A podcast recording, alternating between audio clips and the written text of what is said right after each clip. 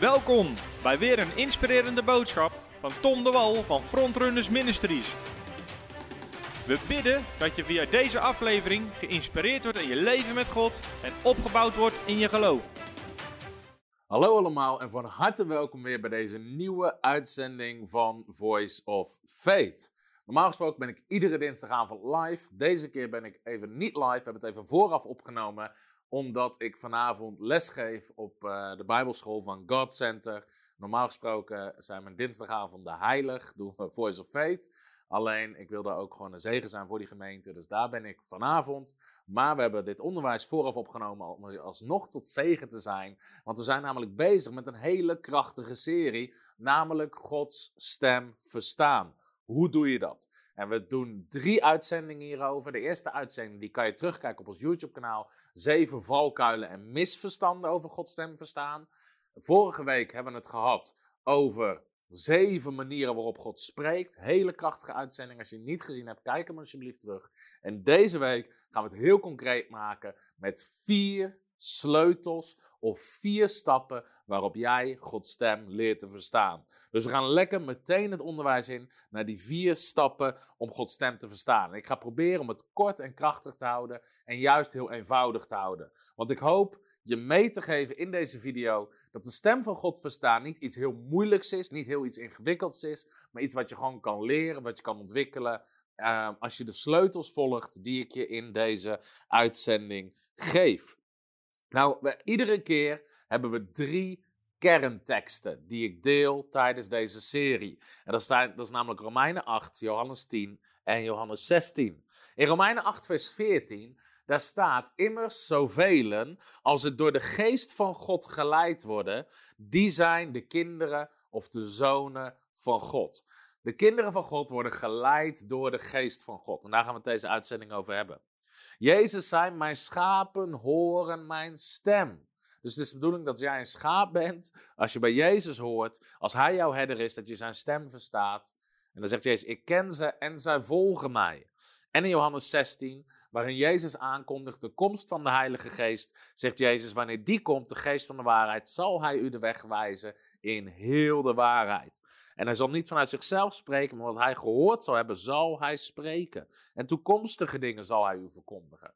Dus de geest van God die in ons woont, die zal ons leiden, die zal tot ons spreken. We zijn een kind van God, we worden geleid door de geest en we horen de stem van de herder. Dat is wie we zijn, dat hoort bij onze identiteit. En daar hebben we het over.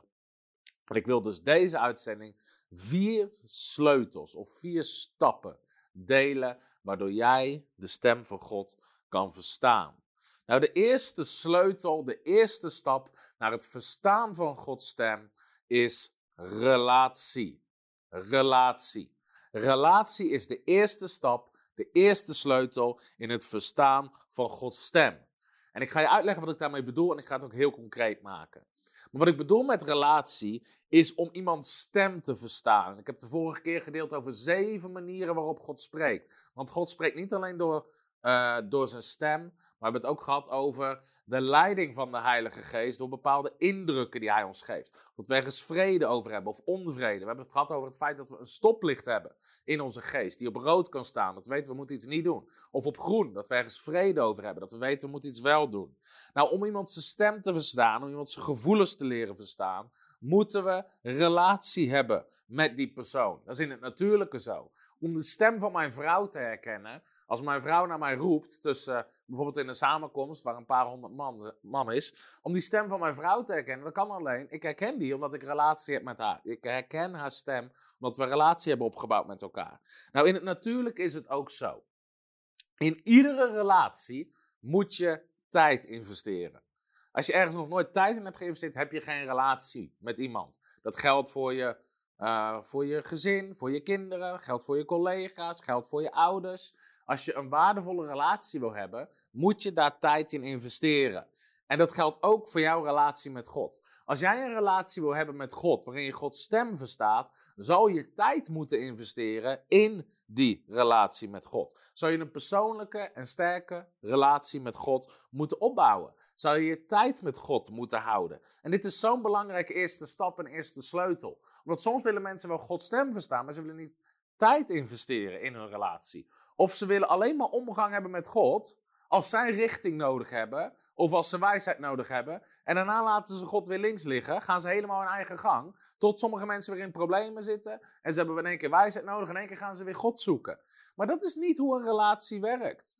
En dat is, geen enkele relatie werkt zo. Je wil constante omgang hebben met iemand. Dat is wat een persoonlijke relatie is. Dus investeer tijd erin. Hoe meer tijd jij investeert in je relatie met God om geestelijk te groeien, bijvoorbeeld door een Bijbelschool te volgen, door dit soort onderwijs te luisteren, door het woord te lezen, door gewoon tijd eens te nemen, neem thuis eens tijd om God te aanbidden. Gewoon God groot te maken, om te bidden. Hoe meer tijd je investeert in je geestelijke mens en in je relatie met God, hoe makkelijker het wordt om de stem van God te verstaan, omdat je de tijd in investeert. Nou, wat is even belangrijk om te weten? Uiteindelijk is Gods stem verstaan is heel eenvoudig. En we kunnen leren. Weet je, ik weet zelf, in het begin van mijn christenleven had ik best wel veel moeite om de stem van God te verstaan. Er waren mensen die boden hele ingewikkelde cursussen aan met een dertiendelige dvd-serie en een handboek en een werkboek en nog acht boeken. Allemaal om de stem van God te verstaan. Maar ik kwam erachter, dat is niet de manier waarop je de stem van God leert te verstaan. Door achter handboeken door te werken en allerlei vragen te beantwoorden. De manier waarop je de stem van God leert te verstaan is door te investeren in jouw persoonlijke relatie met God. En gewoon tijd door te brengen met God. En wat wel belangrijk is, is de relaties met de mensen om ons heen gaan we aan voornamelijk vanuit onze ziel. vanuit onze wil, karakter, emoties, gevoelens. Al die dingen op die manier functioneren onze relaties. Maar onze relatie met God functioneert niet vanuit onze ziel, functioneert vanuit onze geest. Dat is belangrijk om te beseffen. God is geest. De Bijbel zegt in Johannes 4, vers 24: God is geest en wie hem aanbidden, moet hem aanbidden in geest en in waarheid. God is geest. Volgens mij kan ik hem even een laserpointertje aan. Hier, God is geest. God is geest. God is een geestelijk wezen. God is een geestelijk persoon. En onze relatie met God, wat belangrijk is om te weten, we hebben dat, ik heb, leg dat ook heel diep uit in mijn boek Supermens, is dat ook jij bent een geestelijk wezen. Je bent een geest, je hebt een ziel, dat is jouw menselijke, je natuurlijke kant, en je woont in een lichaam, dat is je aardpak. Maar ten diepste ben jij een geest. Jij hebt Iedereen bestaat eeuwig. De vraag is alleen waar breng je de eeuwigheid door? En als je wedergeboren bent, is jouw geestelijke mens levend gemaakt, verzoend met God. En je bent, jouw relatie met God is verzoend. Dus ook jij bent geest. Daarom zegt Efeze 2, vers 1: Ook u heeft hij met hem levend gemaakt. U die dood was door de overtreding en zonde. Nou, wat was dood voordat we God leerden kennen? Niet onze ziel. Je had gewoon je karakter, je emoties, je wil, je persoonlijkheid, je talenten, je vaardigheden. Je hele natuurlijke kant functioneerde gewoon. Ja, dat was niet dood. Jouw lichaam was ook niet dood. Maar de Bijbel zegt hier: U die dood was. Wat was dood? Jouw geestelijke mens was niet verzoend met God, stond niet in relatie met God. En op het moment dat jij wedergeboren wordt, op het moment dat Jezus Christus Heer en Verlosser wordt van je leven, wordt jouw geest wedergeboren, wordt levend gemaakt en gaat jouw geestelijke mens wordt verbonden met God, heeft die relatie met God.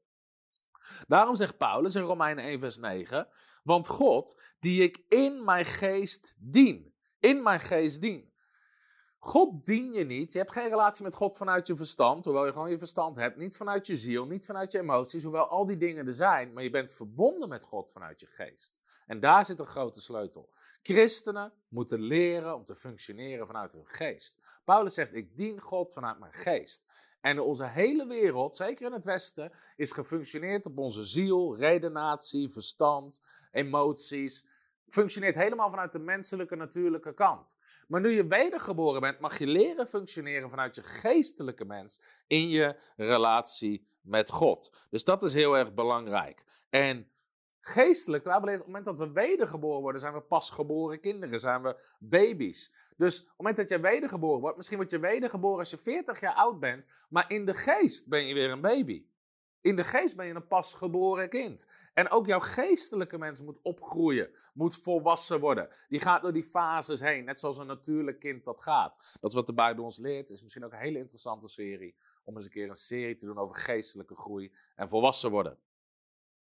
Maar dat is wel belangrijk om te beseffen dat je moet dus tijd investeren in die geestelijke relatie. Dus investeer tijd in die relatie. En schiet ook niet in een kramp. Dit is zo'n belangrijke tip. Sommige christenen zeggen: Ik wil de stem van God verstaan, ik wil de stem van God verstaan, ik versta hem niet, het lukt niet. En ze schieten gewoon in een kramp. Maar wees relax. Wees gewoon relax. Het is iets wat je kan leren. Het is een leerproces. En als je heel erg in een kramp schiet en heel erg krampachtig ermee omgaat, dat maakt het niet beter. Weet je, als ik naar mijn vrouw toe ga, je moet met me praten, je moet met me praten, je moet met me praten. Dat maakt niet echt de relatie beter. Dat maakt het ook niet echt makkelijker voor iemand om met je te praten. En soms zijn we zo in die kramp dat we niet eens doorhebben dat iemand al met ons aan het communiceren is. Dus vanuit de rust is zo belangrijk. Gewoon vasthouden aan die beloften. Ze schapen, herkennen ze stem. Dus schiet niet in een kramp, niet in spanning, niet in onzekerheid. God wil graag relatie met je hebben. We zien dat al, dat God zegt, hij sprak met Mozes van aangezicht tot aangezicht, zoals een mens met zijn vriend spreekt. Exodus 33, vers 11. God wil vriendschap hebben met je. De Bijbel noemt verschillende mensen een vriend van God. Jezus zegt: Ik noem jullie vrienden. In Johannes hoofdstuk 15 uit mijn hoofd. Dus we zijn gewoon vrienden van God. We zijn kinderen van God. Zo belangrijk want op het moment dat er veroordeling en schuld in je hart zit, en je denkt, ach, ik ben maar een arme zondaar en God wil niks met mij te maken hebben, dan ga je nooit zijn stem verstaan. Maar als je weet, ik ben zijn geliefde kind, ik ben vergeven, gerechtvaardigd, geheiligd, hij noemt mij een vriend, ik heb vriendschap met God, God verlangt omgang met mij, dan wordt het zoveel makkelijker en zoveel relaxer om die relatie aan te gaan en zijn stem te leren verstaan. En dat is een leerproces. Dat zien we ook in het leven van de jonge Samuel. He, op een gegeven moment spreekt God tot hem, maar hij herkent het nog niet. Dan staat er, nu kende Samuel de Heer nog niet. En het woord van de Heer was nog niet aan hem geopenbaard. Dus uh, het is een leerproces waar je gewoon tijd in mag investeren in die relatie.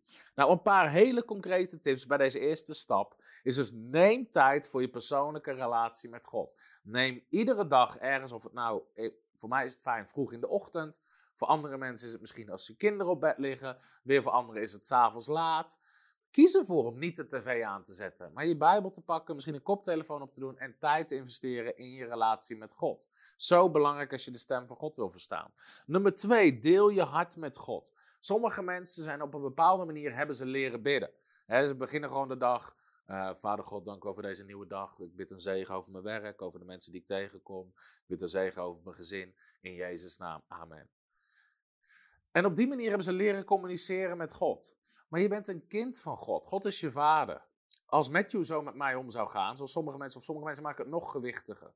O, oneindig grote vader die in de hemelen zijt. Weet je, en ze maken het heel gewichtig en heel afstandelijk. Als mijn kind op die manier met me zou functioneren, zou ik zeggen, joh, doe normaal. Weet je, je kan gewoon je hart delen met God. En het is goed om God te aanbidden, maar ook in je gebed. Deel gewoon je hart. Deel gewoon je hart. Vraag God om bepaalde dingen. Deel God. Deel de dingen die in je hart leven. Leer om met God te praten zoals iemand met zijn vriend praat. Om gewoon je hart uit te storten naar God. Zie je constant in de psalmen.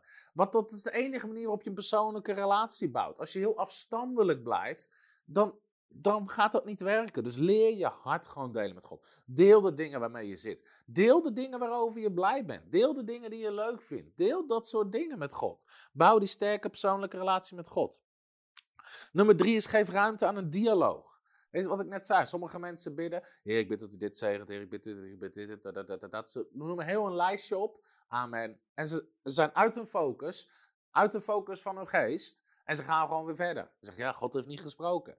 Je hebt God niet eens de tijd gegeven om te spreken. Je hebt gewoon je lijst opgenoemd naar God. Je hebt amen gezegd. Je bent verder gegaan met de orde van de dag. Geef ruimte voor een dialoog. Zeg iets. Wees stil. Leer gewoon af te stemmen. En praat gedurende de dag met God de Bijbel zegt bid onophoudelijk. Betekent niet dat we heel de dag achter ons, weet je, dat je op je werk zit, misschien als buschauffeur of als leerkracht. Weet je, natuurlijk moet je gewoon lesgeven. Moet je gewoon, misschien werk je in het ziekenhuis, moet je, je kan niet de dag,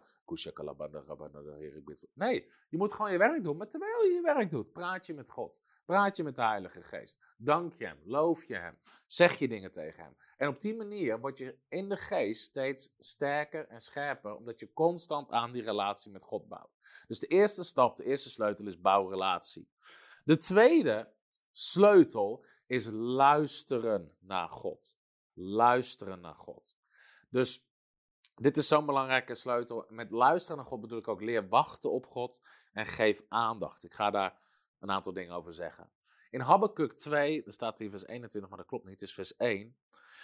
Daar staat deze tekst, en dit is zo'n krachtige tekst, waar Habakkuk een gesprek heeft met God. En dan zegt Habakkuk dit, want hij verwacht Gods stem te verstaan.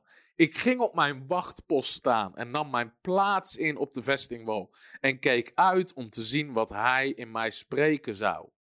En wat hij antwoorden zou. Dus Habakkuk had een vraag neergelegd bij God en nu ging hij luisteren. Hij ging niet verder naar de orde van de dag. Hij ging op zijn wachtpost staan. Hij ging wachten op het antwoord. Hij nam zijn plaats en hij keek uit om te zien wat hij spreken zou. Wat God antwoorden zou. Dus hij nam tijd om te luisteren. Het is zo belangrijk dat we leren luisteren.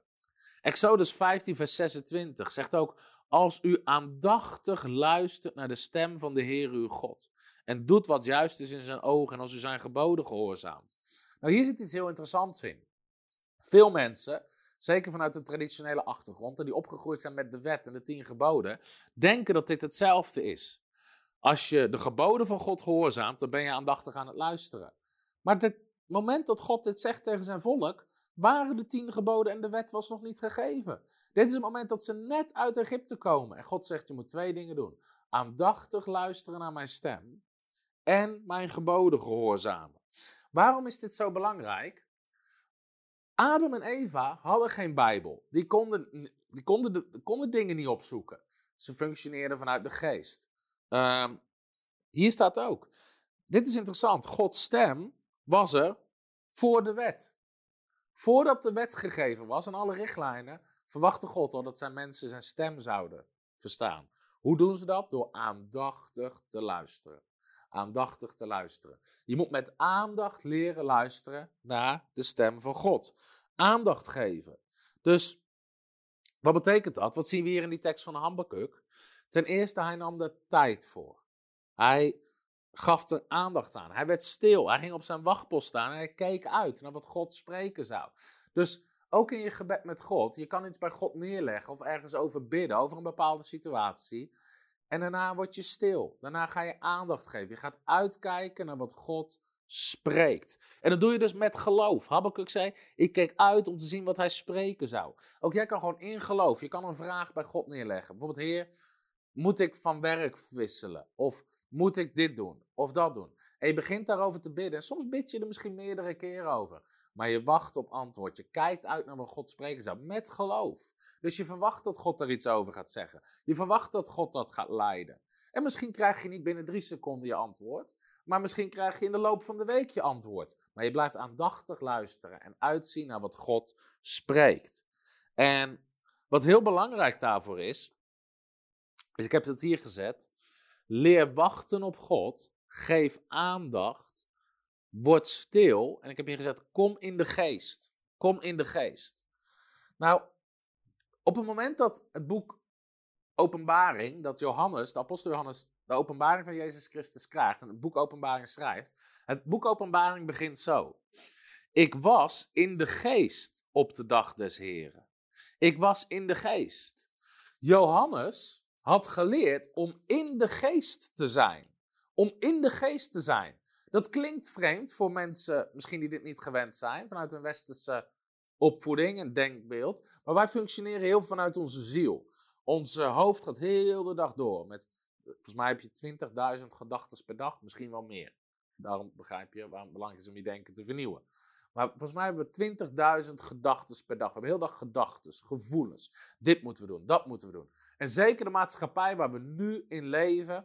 Mensen zijn super druk. Ze werken 40 uur, ze hebben een gezin, de kinderen moeten naar sport, naar zwemles, naar dit. Ze hebben een hobby, ze hebben een kerk, ze hebben hun taken hier, ze hebben dit, ze hebben dat. Vrienden, familie, kennissen, verjaardagen, familiedingen, alles. De hele week zit helemaal volgeramd. En dan vinden sommige mensen het gek dat ze niet de stem van God verstaan. Omdat ze nooit tijd nemen om in de rust te komen en om in de geest te komen. Om even uit het zielgebied te stappen. Waar je gedachten ratelen, waar je emoties gaan, waar je dit moet doen, dat moet doen, je agenda. He, tegenwoordig iedereen heeft een iPhone of een Samsung en heel de dag. Weet je, als ik nu op mijn telefoon kijk, we zitten, hoe lang zitten we in de uitzending? 31 minuten. Als ik dan kijk, dan heb ik, wat heb ik? 40 gemiste berichten op Instagram, op Facebook, op WhatsApp, gemiste telefoongesprekken. Dat is een half uur. 40 gemiste berichten. Onze telefoons gaan heel de dag door. Heel de dag door zijn we bezig. Maar we moeten, als we de stem van God willen verstaan, moet je in de rust komen. Daarom ben ik grote voorstander van een fysieke Bijbel. Voor de mensen die het verschil niet weten, dit is een Bijbel en dit is een iPhone. Heel vaak als je tegen mensen zegt, pak je Bijbel erbij, heel veel mensen pakken dit ding erbij. Ik snap dat je hier een Bijbel-app op kan hebben, maar weet je wat het verschil is tussen dit en dit? Dit ding, een geschreven woord van God, brengt je in de rust. En dit ding brengt je niet in de rust. Want terwijl je Bijbel aan het lezen bent, krijg je Twitters, WhatsApps, Instagrams, mensen bellen je, je krijgt hier een melding over, daar een melding over. Weet je wat veel beter is in je tijd met God en zelfs in de kerk? Dit ding uitzetten, aan de kant leggen en je tijd met God hebben. En dat is het voordeel. Dit ding piept niet, maakt geen ringtones, geen geluidjes, heeft geen bluetooth, geen internet. Ik weet niet wat hij allemaal wel of niet heeft, zit geen flitsmeister op. Je kan gewoon concentreren op je relatie met God.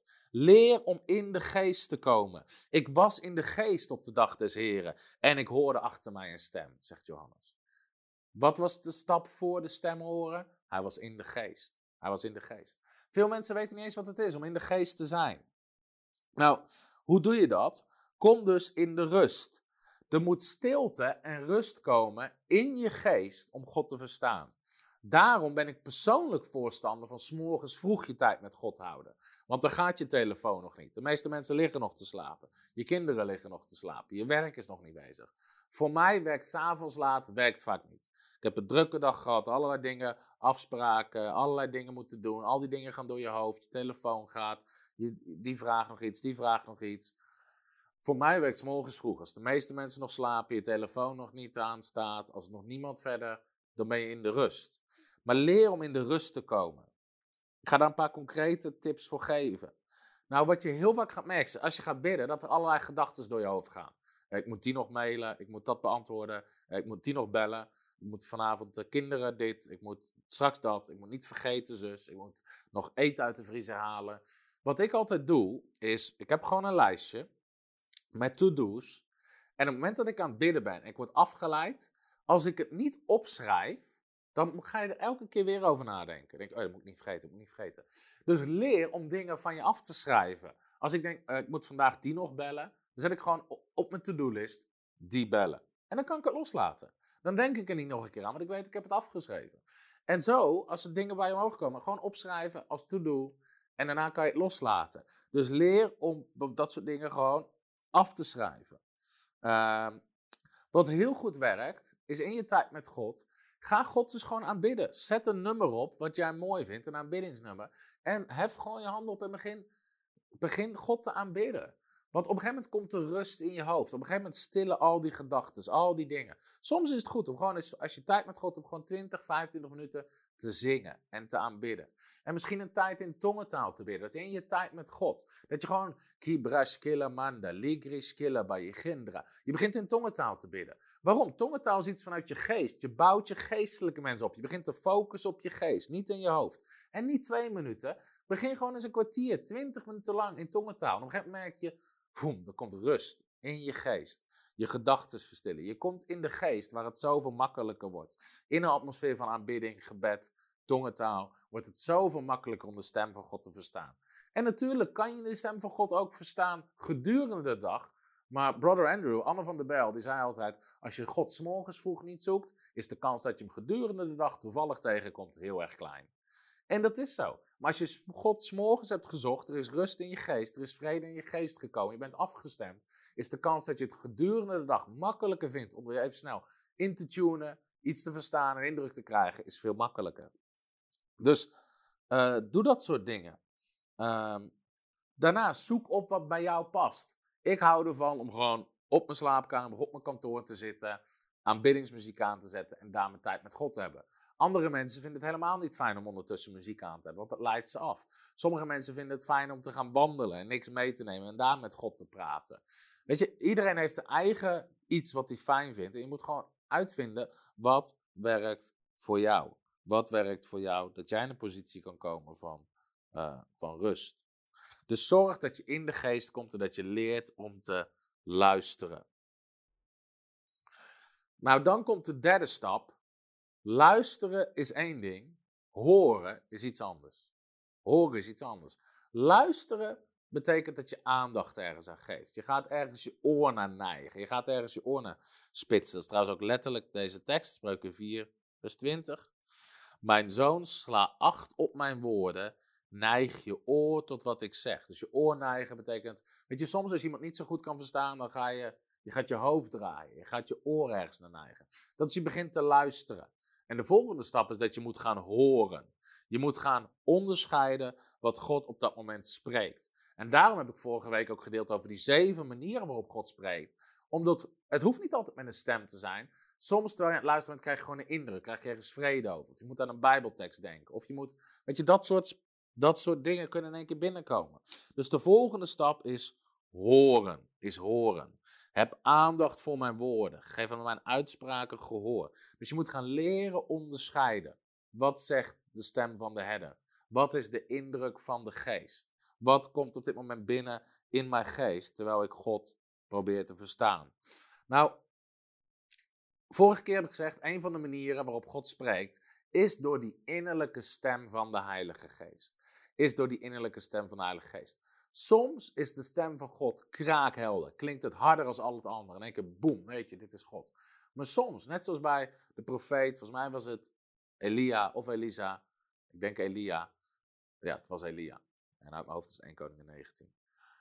Dat hij gaat God, hij gaat luisteren en eerst komt er een aardbeving en een vuur en al die dingen meer. Maar God was er niet in en God zat in de, in de stilte. En soms is het een fluistering, soms is het een indruk. En een van de beste manieren om te omschrijven hoe de stem van God zal klinken, is wat ik noem een spontane gedachte. Het lijkt bijna een gedachte die binnenkomt, of een, een indruk. Maar het is de stem van God. En dan is altijd de vraag: hoe leer je nou te herkennen wat, is, wat zijn mijn eigen gedachten en wat is de stem van God? Nou, daarom is die vorige stap zo belangrijk. Want als je eerst in de rust komt en in de geest komt, dan stillen je eigen gedachten. Op een gegeven moment draait je hoofd niet meer als een molen. Heb je niet meer duizend dingen waar je aan denkt. Op een gegeven moment ben je gewoon in de rust. Weet je, er is een positie op dit moment in mijn geest waar ik in de rust ben. Waar ik in de stilte ben. Waar ik gefocust ben. En als je teruggaat van duizend gedachten naar maar een paar gedachten, wordt het zoveel makkelijker om te herkennen wat God op dat moment in je hart legt, in je geest legt. Nou, hoe kan je nou het verschil erkennen tussen Gods stem en je eigen gedachten? Daarvoor heb ik even dit tabelletje gemaakt dat heel veel mensen gaan helpen. De beste manier om Gods stem te beschrijven zijn indrukken, gedachten of een stem. En wat is nou het verschil tussen onze eigen gedachten? Nou, onze eigen gedachten zijn analytisch. bij, als je ergens over nadenkt, dan zit er een proces in. ik ga nadenken over, ik heb zometeen een afspraak, dan moet ik over drie kwartier moet ik in de auto zitten, dan moet ik daarheen gaan, dan moet ik, dat, dat is een analytisch proces. Je, het een volgt het ander op en je, en je zit in een soort gedachtentrein van het een op het ander. Het is analytisch, het is beredenerend. Onze eigen gedachten zijn gebaseerd op logica, argumenten, feiten, gevoel en emoties. Dat is hoe onze eigen gedachten werken. Maar als God je een indruk geeft of een gedachte, de beste manier is het, is een spontane indruk. Er gaat geen redenatieproces aan vooraf. Als ik een vraag bij God neerleg, bijvoorbeeld, laten we even het voorbeeld nemen over ehm, werk. je zit misschien niet lekker op je werk. Op een gegeven moment kan je, je kan zelf gaan nadenken, ik zit niet lekker op mijn werk, misschien kan ik overstappen, krijg ik misschien een ander salaris, kan ik dichter bij huis werken, heb ik wel een leaseauto, uh, of minder uren, bla, Je kan, dat is analytisch, analytisch. Of als er rust en stilte is in je geest, gooit gewoon open, Heer, wat wilt u zeggen over mijn werk? En zonder dat er een heel redenatieproces, poem, komt er misschien in één keer een indruk, in één keer een gedachte in één keer een Bijbeltekst. Waar geen heel redenatieproces aan zit. Het zijn spontane indrukken, gedachten. Dat is vaak hoe God werkt. Het is een stem in je hart, in je geest. In één keer een indruk, een impressie. Soms heel duidelijk, soms een fluistering of een indruk. Nou, dit is iets wat je kan leren. En soms is het zelfs, lijkt het nergens op te slaan. En dat is het verhaal van toen mijn eerste boek Jezus aanraken. Ik had het geschreven. En in de tijd dat het gedrukt zou worden, brak de coronacrisis uit. En dat was trouwens in de tijd dat niemand überhaupt nog wist wat corona was. Het was net in, in China en het was totale onzekerheid. Het was nog niet in Nederland. En op een gegeven moment, degene die normaal mijn boeken drukte, belde en zegt: We hebben problemen. De papierfabrieken willen niet leveren. Uh, allerlei problemen door corona, wat daar al speelde, in Nederland nog niet.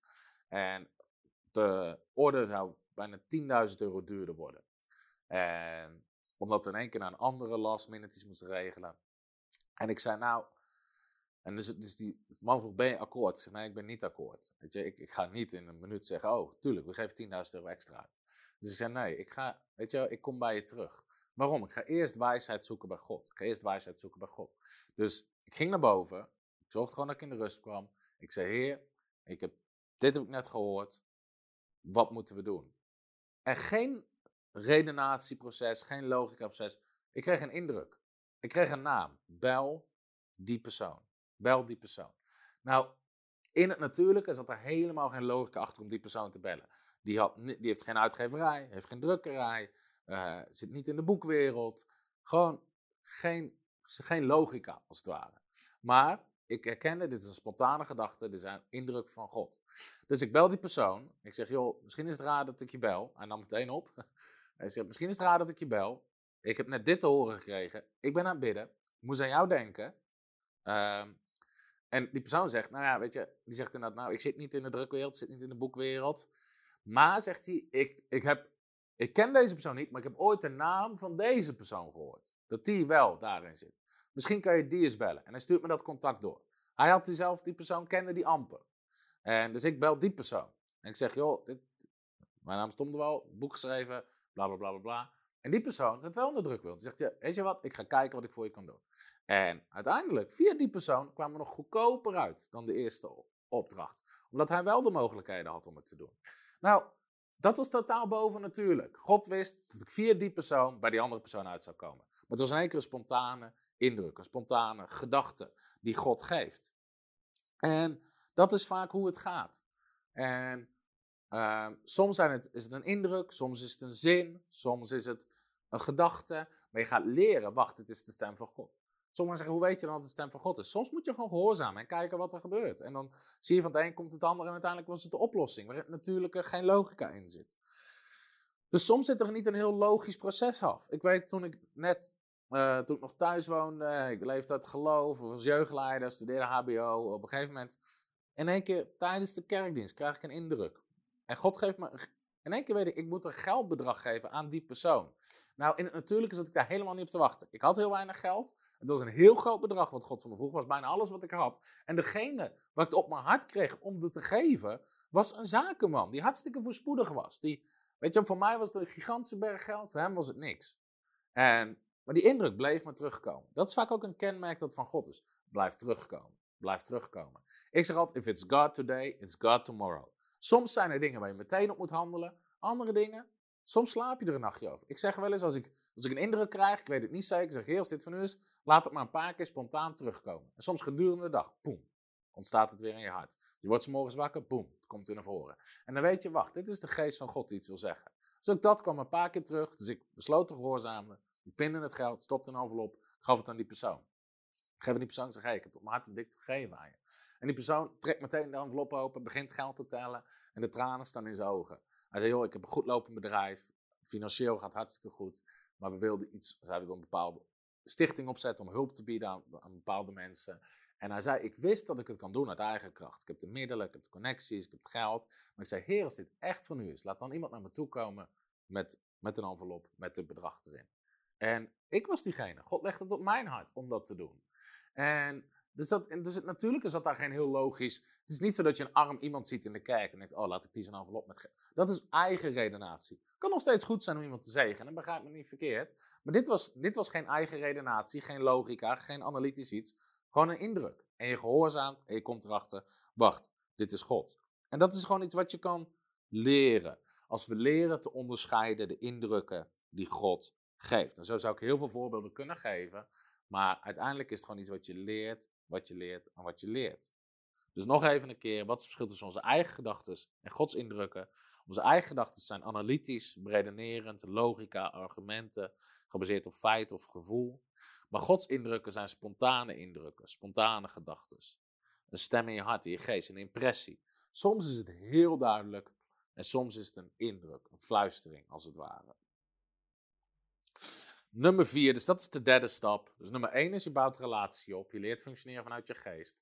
Nummer twee is je gaat luisteren, dus je neemt tijd, aandacht, stilte, komt in de rust. Nummer drie is je gaat onderscheiden, je gaat leren horen, wat zegt God. En nogmaals, het is een leerproces.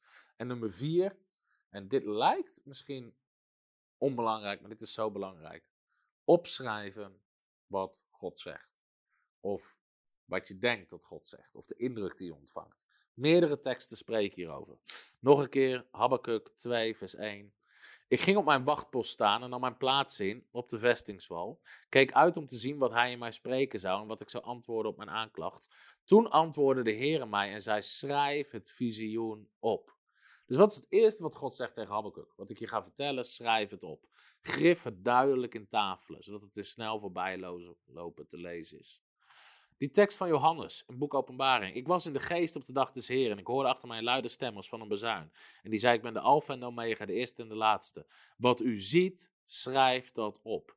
Nou, hier zie je dat ze dingen zagen terwijl ze aan het bidden waren. Daarom zei ik onderscheiden.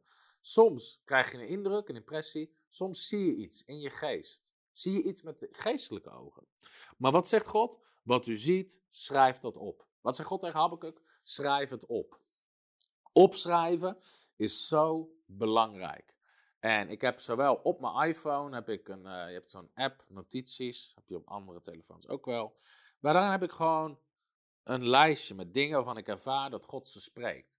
Ook gedurende de dag. Als ik denk dat God iets zegt en indruk krijg, schrijf ik het op. Daarnaast heb ik gewoon een fysiek aantekeningenboek. Uh, die ik met bidden altijd bij heb, zodat ik niet mijn telefoon hoef te pakken, dat je niet afgeleid wordt. En de indrukken die ik krijg, schrijf ik op. Waarom is dat zo belangrijk? Twee redenen. Ten eerste, of misschien wel meer redenen. Ten eerste heb ik ontdekt dat God kijkt hoe we omgaan met zijn stem. En soms, ik heb hier geen tissue doos bij de hand. We huilen niet zo vaak in de studio. Maar als je een tissue doos hebt, of een doos met babydoekjes, voor iedereen die nog in de kinderen en in de luier zit.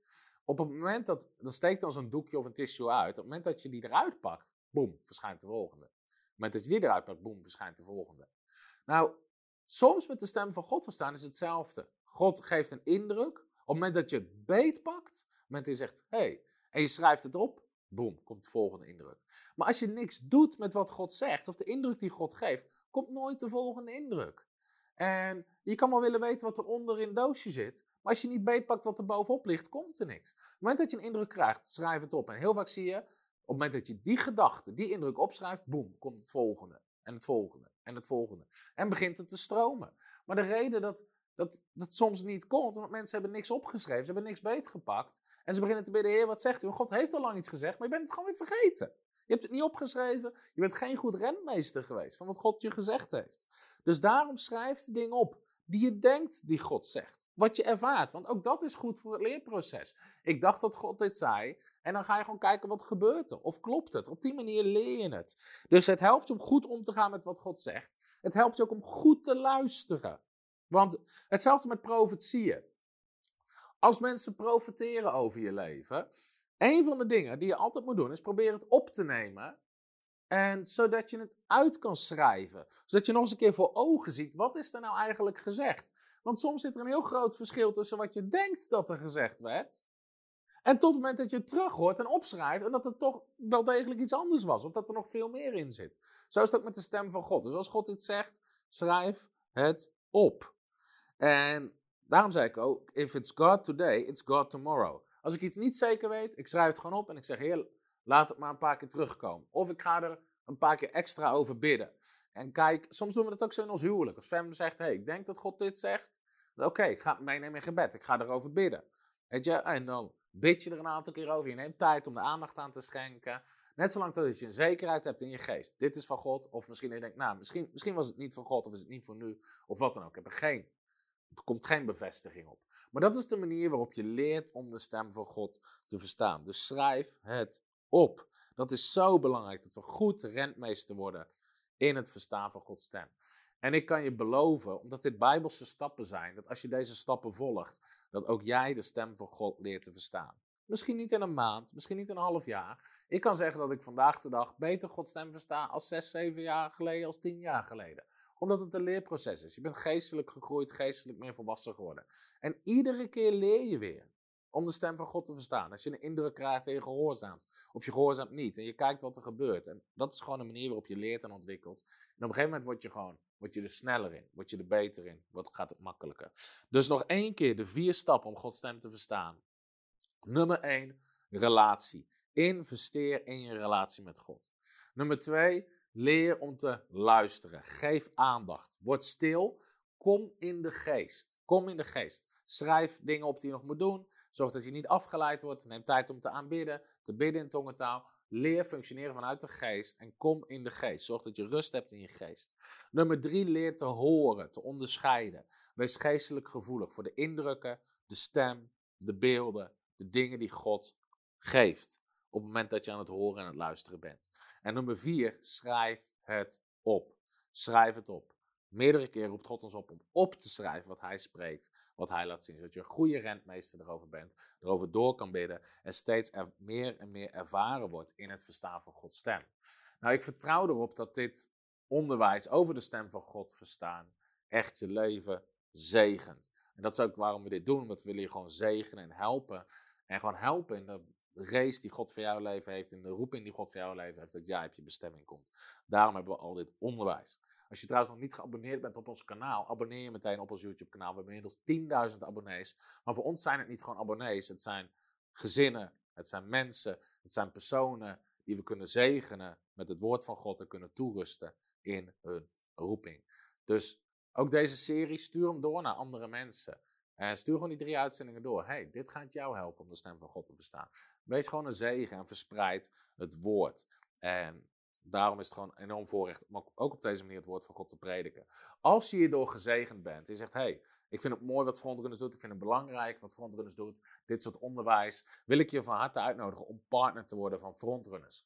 We geloven God dit jaar voor verdubbeling van het aantal partners wat we hebben. Partners zijn mensen die maandelijks meebouwen met een maandelijkse gift.